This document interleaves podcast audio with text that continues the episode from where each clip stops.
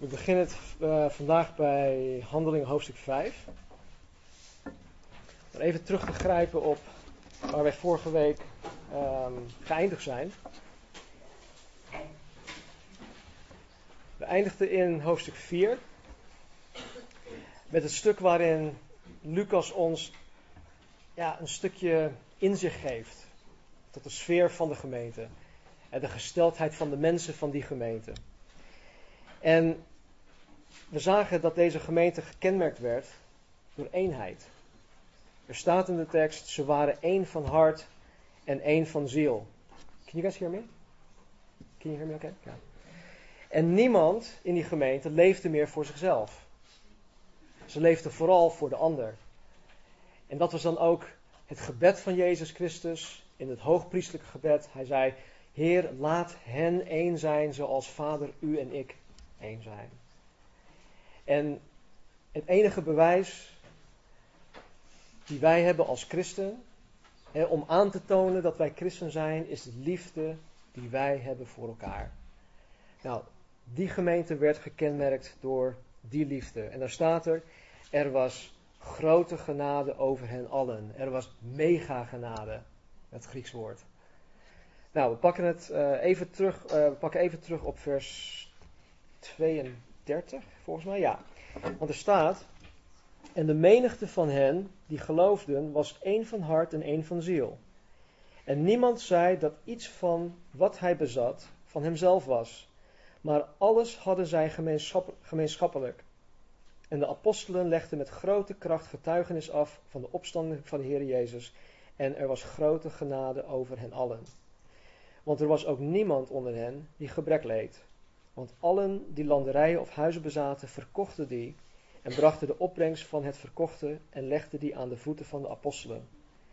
En aan ieder werd uitgedeeld nadat men nodig had. En Jozef, die door de apostelen Barnabas genoemd werd. En Barnabas betekent zoon van vertroosting of zoon van bemoediging. Hij was een leviet die afkomstig was van Cyprus. Nou, hij had een akker en hij verkocht die en hij bracht het geld en legde het aan de voeten van de apostelen. Nou, deze Barnabas zal in de komende hoofdstukken van Handelingen uh, een, best wel een belangrijke rol gaan spelen. Uh, ik ga er nu niet op in, maar hij zal vaker terugkomen in onze studie. Dus onthoud zijn naam. Ik zal er ook weer terug, terug op, op terugkomen.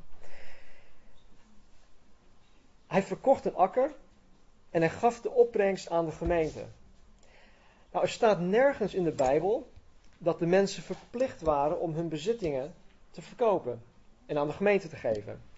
Dus mijn conclusie is dat Barnabas en de anderen dit niet uit dwang of uit plicht hadden gedaan, maar uit medeleven.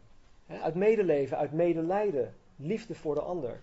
Want vergeet niet, de gemeente in Jeruzalem bestond voornamelijk uit arme mensen. Het bestond ook uit mensen die van buitenaf kwamen naar Jeruzalem toe voor het Pinksterfeest.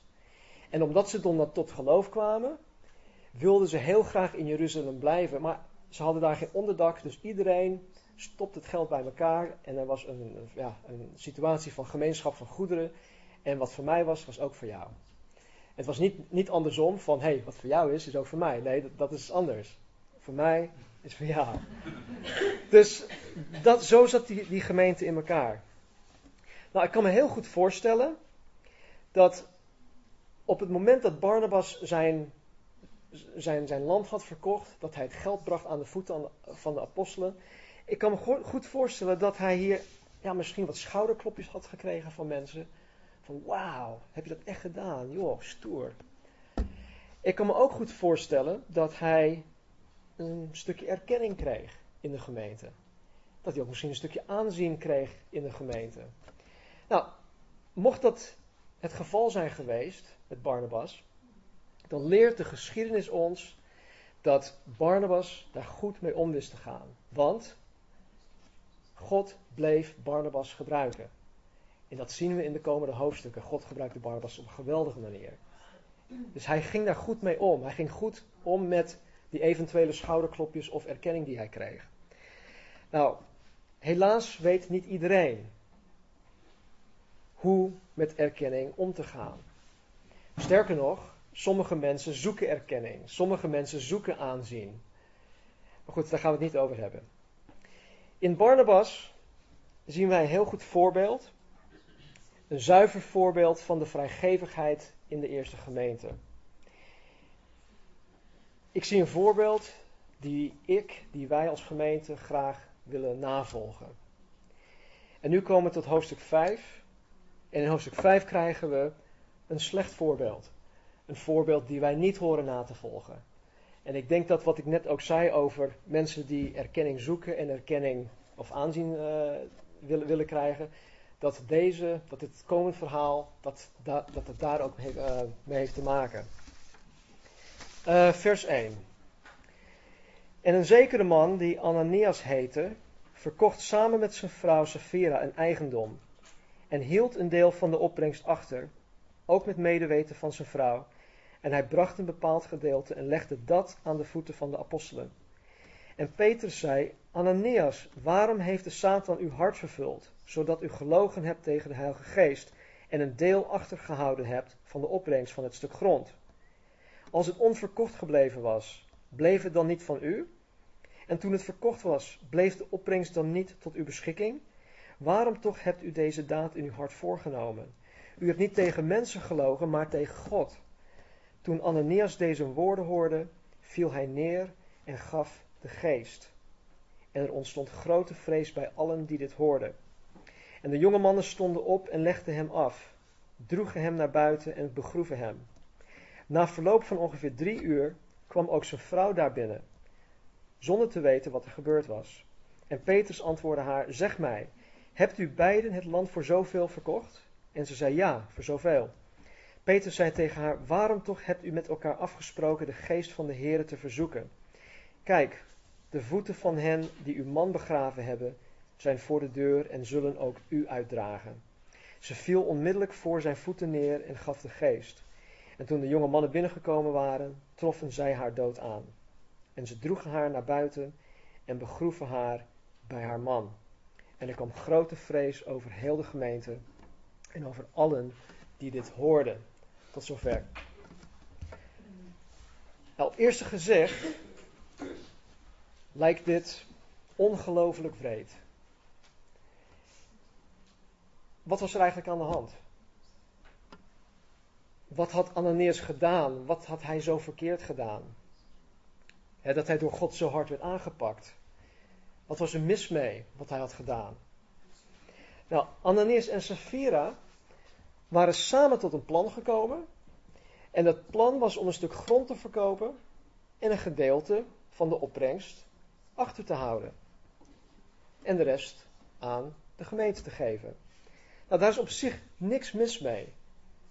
Als ik nu mijn huis verkoop en ik zeg, nou, ik wil een gedeelte aan de, aan de kerk geven en een gedeelte hou voor mezelf, prima, niks mis mee.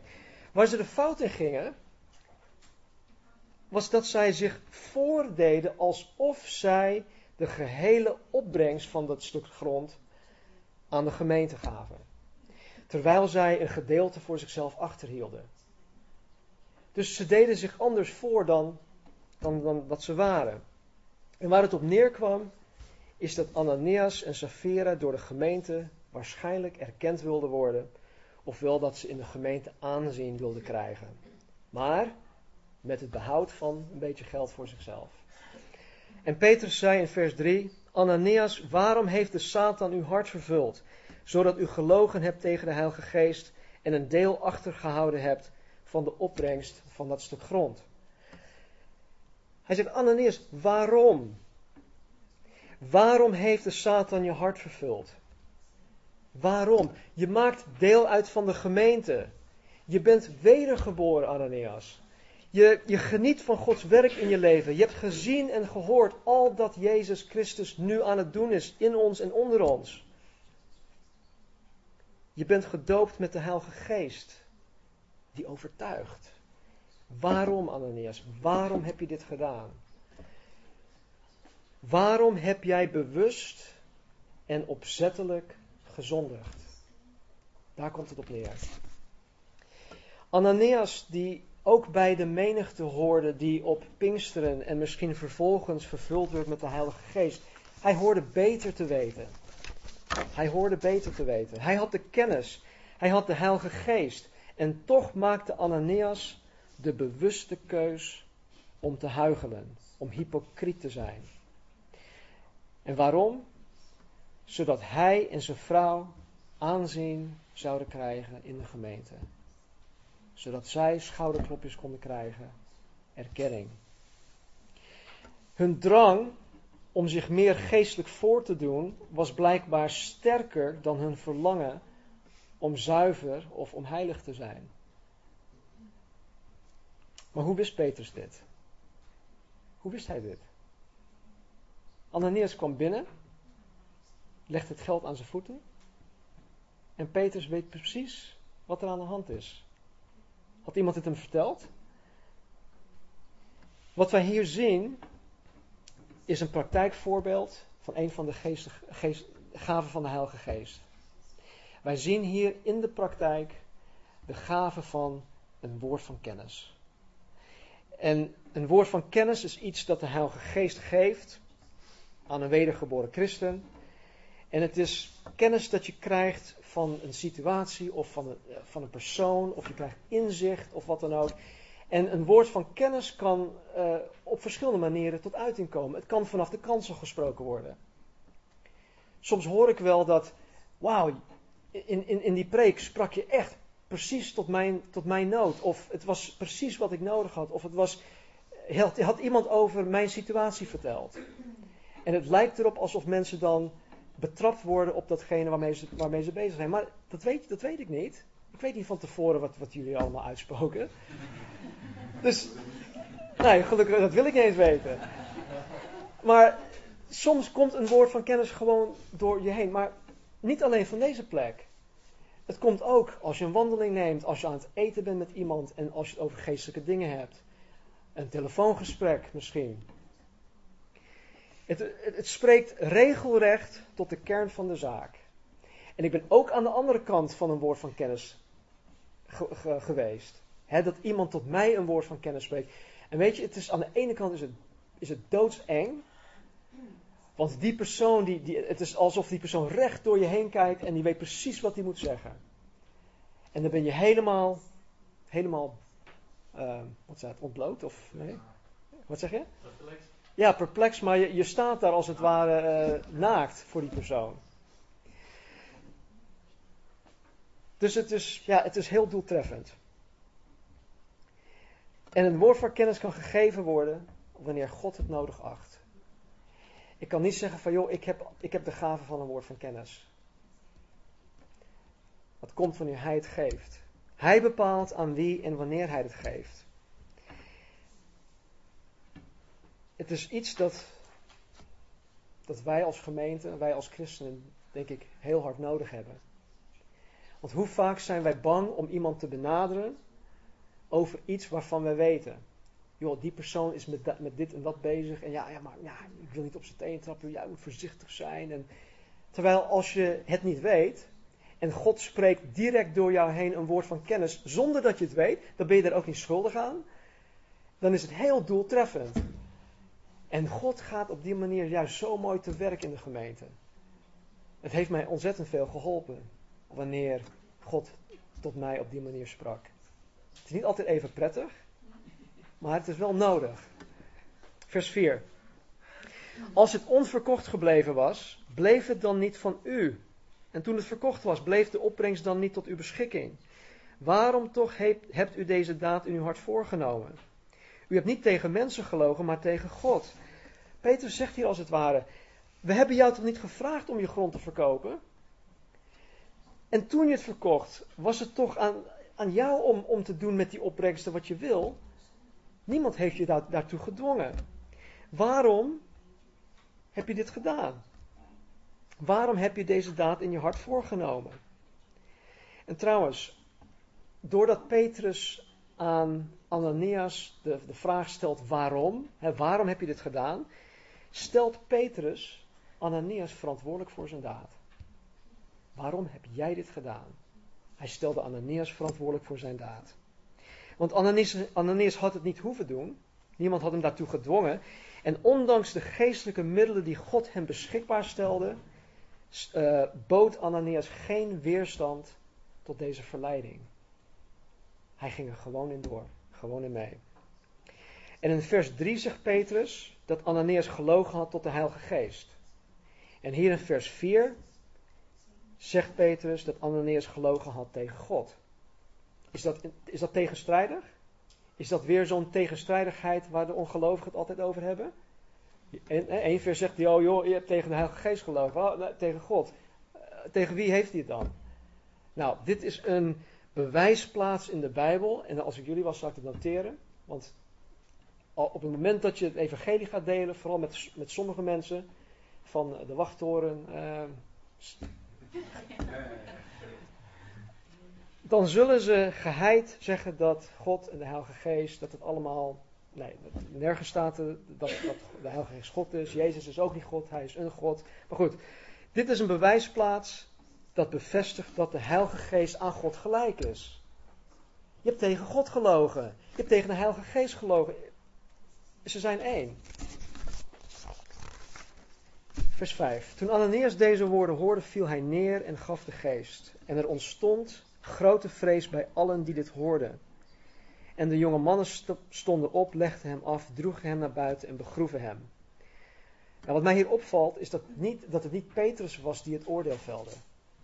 Petrus was aan het praten en die man die viel gewoon neer. Het was God die het oordeel had geveld.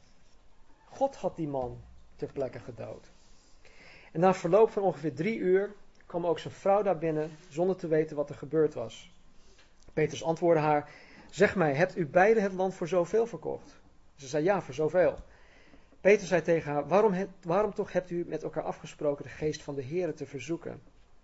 Zie de voeten van hen die uw man begraven hebben zijn voor de deur en zullen ook u uitdragen. Ze viel onmiddellijk voor zijn voeten neer en gaf de geest. En toen de jonge mannen binnengekomen waren, troffen zij haar dood aan. En ze droegen haar naar buiten, begroeven haar bij haar man. En er kwam grote vrees over heel de gemeente en over allen die dit hoorden. wat ik zo mooi vind in dit, dit gedeelte, is dat Petrus Safira de gelegenheid gaf om de waarheid te vertellen. Hij stelde haar de vraag: Heb je het voor zo'n bedrag verkocht? Ja, ja, ja.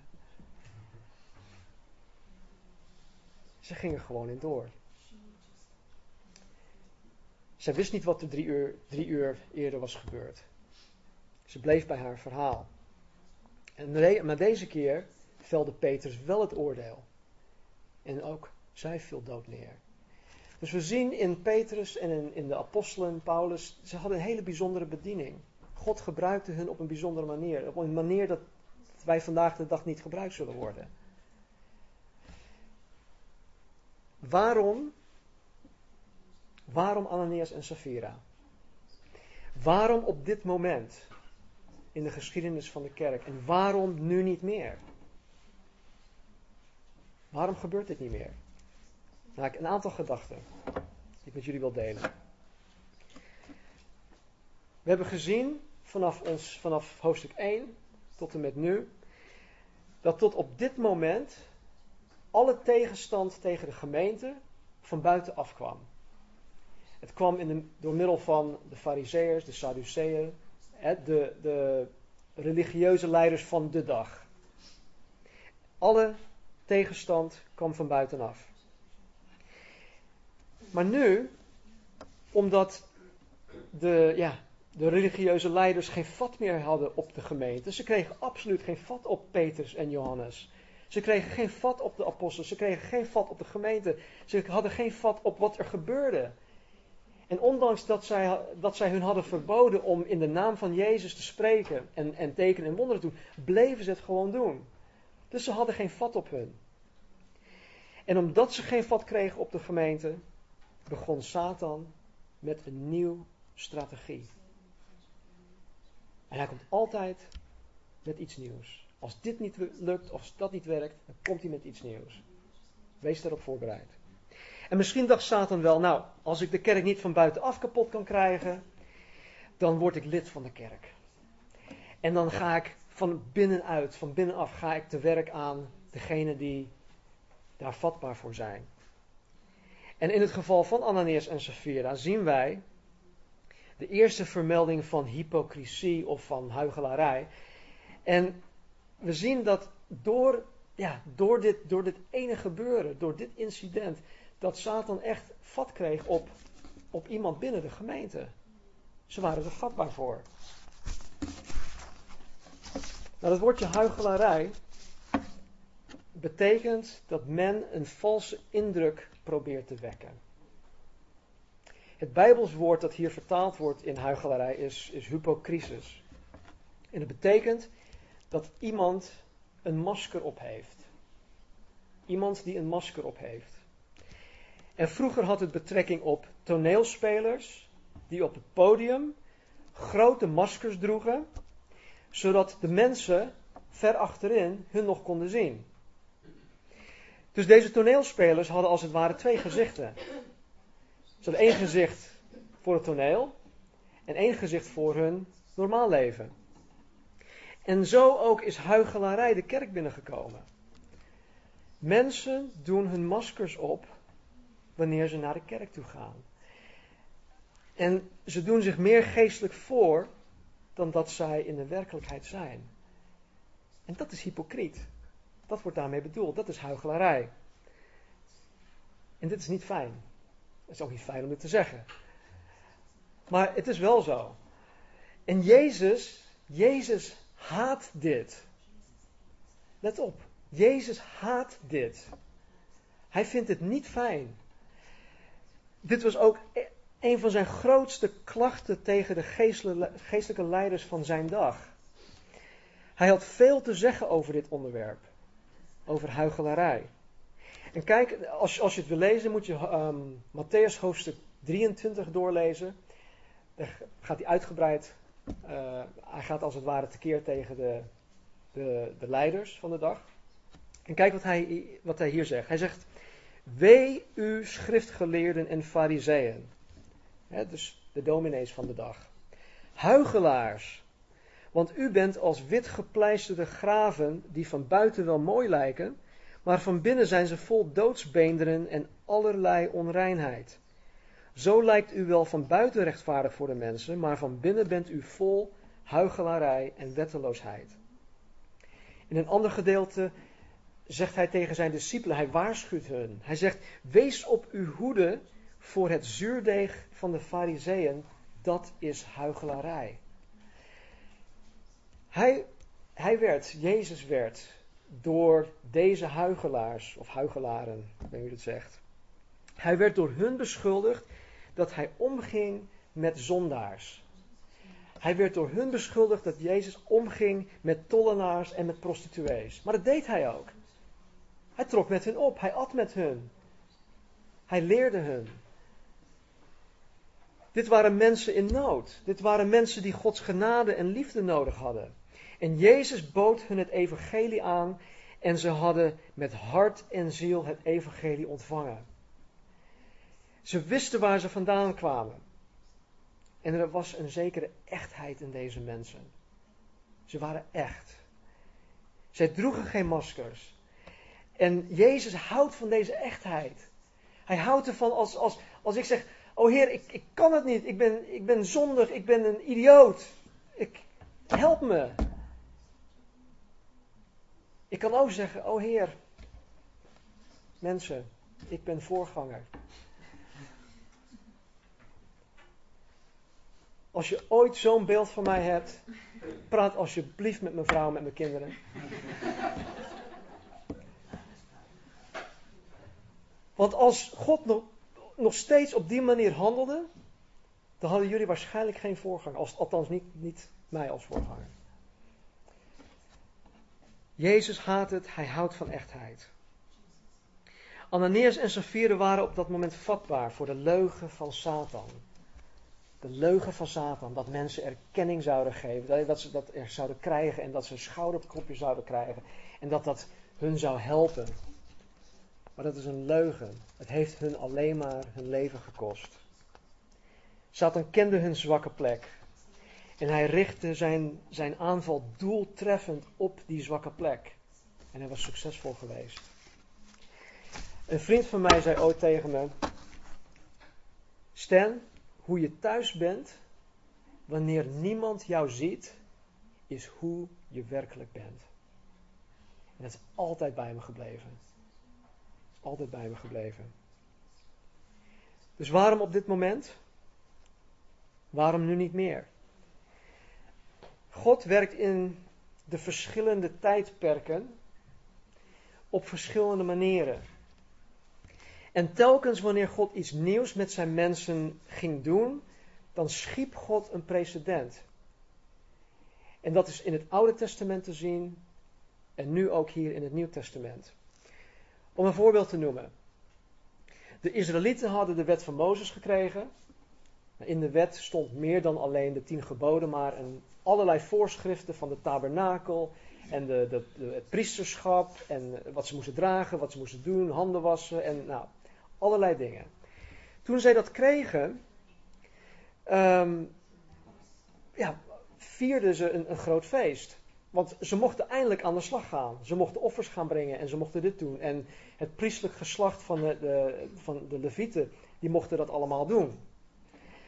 Nou, toen Nadab en Abihu, ik het goed zeg, de twee zonen van Aaron, de priester, zij waren daar ook mee betrokken. En toen zij vreemd vuur aan God offerden, toen doodde God deze twee ter plekke met vuur en het verteerde hun. Ze brachten een, een vreemd offer. Als je dat wil lezen, moet je Leviticus 10 lezen. Dat is een heel mooi verhaal. Maar je ziet dat God op dat moment een precedent had geschapen. Goed, daar kom ik, kom ik op terug. Nog een voorbeeld. Nadat de Israëlieten voor 40 jaar lang, 40 jaar lang, in de woestijn rondzwierven, stonden ze eindelijk op het punt om het beloofde land in te gaan. En verwachtingsvol staken ze de Jordaan over om alleen maar ontmoedigd te raken door de ondoordringbare stad Jericho. Daar stonden ze. Keken tegen die gigantische muren aan. Ondoordringbaar. Onmogelijk. Maar de Heere heeft hun wonderbaarlijk de stad gegeven. En al die hoge muren die, die, die, die van Jericho, die tuimelden naar de grond. En voordat God dat deed, had hij de Israëlieten een expliciete opdracht gegeven, een expliciet gebod. Hij zei tegen hun dat niets van de buit die zij uit Jericho zouden halen, van hun was. Zij mochten het niet zelf voor zichzelf houden. Er waren ook bepaalde dingen die ze helemaal niet mochten aanraken, omdat dat um, taboe was. Het was uh, onrein. Maar de buit mochten ze niet voor zichzelf houden. Ze moesten dat naar de schatkamer van God brengen. Het was een offer voor God. Heel duidelijk, heel expliciet. Nou, iedereen, behalve één man, had zich daaraan gehouden. Een zekere Agan. Nou, toen hij daar was, kwam hij misschien in een, in een huis of in het paleis of wat dan ook. En hij was waarschijnlijk betoverd door allerlei eh, bling bling. En hij dacht, oh joh, dat vind ik mooi. He, gaaf, oh mooi. Nou, ik neem een paar dingetjes mee en hij stopte die dingen in zijn zak. Bracht ze mee naar huis en verstopte ze in zijn tent. Hij dacht misschien, joh, ja, dat kan geen kwaad, er zijn toch maar kleine dingetjes. Nou, de, de volgende slag ging om een klein dorpje, dat heet A AI. AI. Ai. Het ging om een kleiner dorp. En het zou eigenlijk heel makkelijk moest, eh, geweest zijn. Hè? Om, om na Jericho, nou Ai, dat is een klein dorpje, nou dat is makkie. We sturen gewoon een, een, een paar, duizend man. Het hoeft niet eens de hele, hele, leger, hele leger te zijn. Maar wat gebeurde? Ze gingen daar naartoe en ze kregen er van langs en ze trokken zich terug. Dus wat, wat zij verwacht hadden, gebeurde dus niet. En hierna, na deze nederlaag, ging Jozua bidden. Hij lag daar op zijn gezicht, vroeg God, oh Heer, wat is er gebeurd? Wat is de bedoeling hiervan? Jericho heeft u ons gegeven. En ai, hoe kan dat nou? Wat is er aan de hand? Waarom hebben wij de strijd verloren? God zei, Jozua, sta op. Sta op. Er is zonde in het kamp. De zonde onder de mensen was de reden van deze nederlaag. En Jozua, degene die gezondigd heeft, moet gedood worden. Klinkt bekend? Weer een precedent. God wilde de Israëlieten de overwinning geven. Zoals God ons, de gemeente, de overwinning wil geven. Tegelijkertijd wilde God de Israëlieten zuiver houden. Zoals God ook de gemeente zuiver wil houden. God weet dat zonde kapot maakt. Hij weet dat zonde ontkracht, dat zonde verlamt. En daarom tolereerde God in deze nieuwe fase absoluut geen zonde. Hij, wil, hij wilde het allerbeste voor Israël. Hij wil het allerbeste voor jou, voor u, voor mij. En nu, in ons verhaal van Ananias en Sapphira, zien wij in deze nieuwe fase dat God radicaal optrad tegen de zonde die deze kerstverse gemeente binnen is gekomen. En God schiep ook hier weer een precedent. Nou, het precedent is op dit moment in, uh, in de tekst dat bewuste en opzettelijke zonde in de gemeente het werk van God dooft. Bewuste en opzettelijke zonde dooft het werk van God. En dat er tegen dit soort zonde, bewust en opzettelijk, dat daar radicaal opgetreden moet worden. Geen pardon. Die precedent had God geschapen. De apostelen hebben die les geleerd. De les van Ananias en Sapphira. De les dat opzettelijke zonde, bewuste zonde door God absoluut niet getolereerd wordt. En dat het zijn werk in de gemeente dooft. En dat het de gemeente ook verlamt. Zij hebben die les geleerd. Want, ik zie dat en ik weet dat. Omdat verder in handelingen zien wij dat ze ons leren hoe wij met zonde om moeten gaan. In alle brieven van het Nieuwe Testament zien wij dat wij geleerd worden hoe wij met zonde om moeten gaan. Wij worden vermaand over zonde. Wij worden zelfs, wij krijgen zelfs voorschriften over hoe mensen uit de gemeente gezet dient te worden. Over opzettelijke en herhaalde en hardnekkige zonde. Wij horen mensen de gemeente uit te zetten. Wie doet dat tegenwoordig nog? Ik weet van een aantal gemeenten die dat wel doen. Dat vind ik wel stoer. Maar luister, het is, het is nooit de bedoeling, disciplinaire maatregelen is, is, is nooit bedoeld om mensen zomaar op straat te zetten. Het is altijd bedoeld om mensen te herstellen. Dus daarom zeg ik dat het stoer is, dat mensen dat kunnen doen. Het is altijd om mensen te herstellen.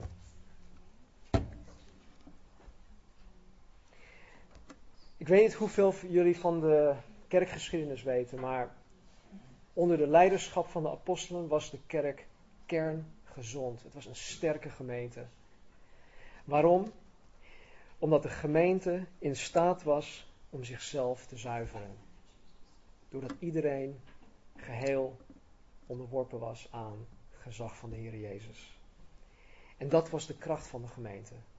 De kracht van de gemeente was dat zij zichzelf kon zuiveren. Nou, als mijn lichaam, hè, mijn, mijn fysiek lichaam, niet meer in staat is om zichzelf te zuiveren van afvalstoffen of van gifstoffen, op een gegeven moment zal ik sterven. En als het lichaam van Christus niet meer in staat is om zichzelf te zuiveren van dit soort onheil, dan zal ook de gemeente sterven. Nou, laten we nu kijken, en hier sluit ik mee af. Wat God allemaal deed na deze zuivering van de opzettelijke zonde van Ananias en Sapphira. Er is een positieve kant van dit verhaal. Vers 12. En er gebeurden door de handen van de apostelen veel tekenen en wonderen onder het volk. En ze waren allen eensgezind bijeen in de voorhof van Salomo. Nou, het feit dat ze in de voorhof van Salomo waren, betekent dat zij daar zaten om onderwezen te worden. Dat was de plek waar ze allemaal bijeenkwamen En de apostelen die zaten daar waarschijnlijk op stoelen om de mensen te onderwijzen. Dus weer een, een, een voorbeeld dat zij bleven volharden in de leer van de apostelen. Ze zijn daar nog niet af, van afgeweken. Vers 13. En de anderen durfde niemand zich daarbij hen toe te voegen. Maar het volk had grote achting voor hen. En er werden er steeds meer toegevoegd die de Heeren geloofden. Menigten van zowel mannen als vrouwen, zodat zij de zieken naar buiten droegen op de straten en hen op bedden en lichtmatten legden, opdat wanneer Petrus voorbij kwam, al was het maar zijn schaduw, op iemand van hen zou kunnen vallen. En ook de menigte uit de steden in de omgeving kwam gezamenlijk naar Jeruzalem. Men bracht zieken bij hen die door onreine geesten gekweld werden. En ze werden allen genezen. Kijk, nadat God de gemeente gezuiverd had van deze bewuste zonde, schonk God de gemeente grote genade. Mega genade, zoals het hier letterlijk staat. Het was een sterke en gezonde gemeente, waardoor Gods kracht in hun en door hun heen kon vloeien. Er was geen blokkade. Het was geen verstopte pijp. Eh, niets hield Gods kracht tegen. Ze waren gezond. En ze waren een open kanaal waardoor Gods kracht kon vloeien. Kijk, tal van mensen werden genezen. Ze werden bevrijd van demonen. Er was eenheid. Ze bleven volharden in de leer van de apostelen. God voegde mensen toe aan deze gemeente. Dat was het gevolg. Aan de ene kant is het goed dat God in onze tijdperk niet op dezezelfde manier optreedt tegen opzettelijke en bewuste zonde. Als het wel het geval was, zoals ik al zei, dan zouden jullie mij niet als voorganger hebben. Om eerlijk te zijn durf ik niet eens te zeggen hoeveel stoelen hier leeg zouden zijn. Dus het is goed aan de ene kant dat God niet meer op die, die, op die manier werkt. En dat is de positieve kant van het verhaal. Maar er is ook nog een negatieve kant. Want doordat God op dit moment niet zo radicaal optreedt tegen bewuste zonde, zijn wij, ben ik in ieder geval als mens, geneigd om te denken dat onze zonde niet zo erg is. He, want God laat het toe. Hij laat het toe. Hij zegent ons zelfs nog tot op een zekere hoogte. En we gaan verder. Maar ik geloof, zoals wij in het verhaal van Jozua zagen, dat bewuste zonde in het kamp, bewuste zonde in de gemeente, veelal de oorzaak is van geestelijke verzwakking. Geestelijke zwakte, geestelijke verlamdheid, misschien ook geestelijke dood in de gemeente. In openbaring lezen we in hoofdstuk 2 en 3, de, de brieven naar de gemeente toe, zien wij dat, dat Jezus een aantal van die gemeentes ook berispt. Hij zegt, jullie zijn dood. Het lijkt wel alsof jullie leven, maar jullie zijn net als een kip zonder kop. Hebben jullie dat ooit gezien? Eh, heel eng. Je hakt het hoofdje van een kip eraf en vervolgens gaat hij voor een minuut of zo lang, rent hij, rent als, alsof hij leeft. Maar hij is zo dood als dood kan zijn. En sommige gemeenten zijn ook zo. Die lijken veel leven te hebben, maar die zijn ook dood. Nee, sorry. Het wordt opgenomen, ja. ja. Je kan het wissen. Ja, ik kan het wissen. bewuste, opzettelijke zonde in de gemeente dooft de kracht van God. Het dooft de kracht van God in het leven van mij als individu. Het dooft de kracht van God collectief. En sommigen hier vanmorgen moeten zich bekeren van opzettelijke zonde van bewuste zonde. Zonde die de kracht van God in jouw leven dooft. En dat moet.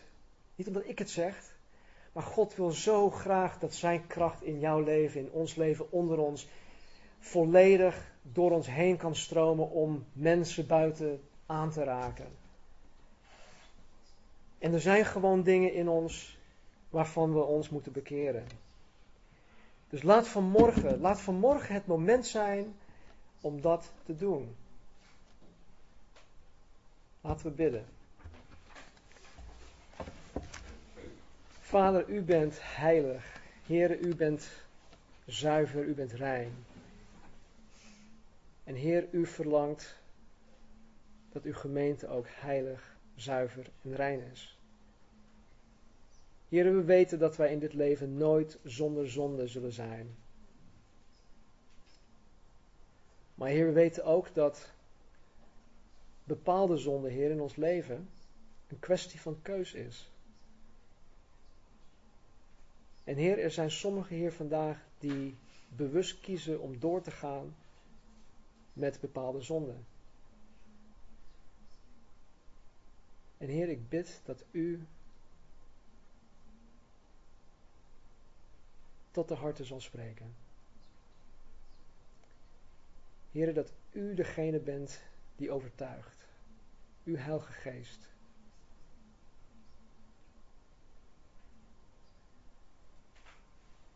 En Heer, laat, laat dit moment vandaag,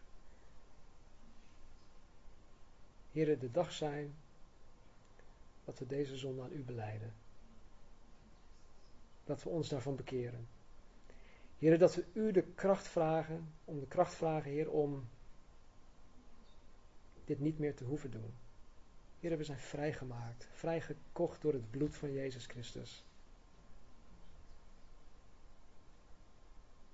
O Heer, laat ons niet schuldig zijn aan de zonde van Ananias en Sapphira. Heer, reinig ons. Maak ons heilig, Heer. Help ons.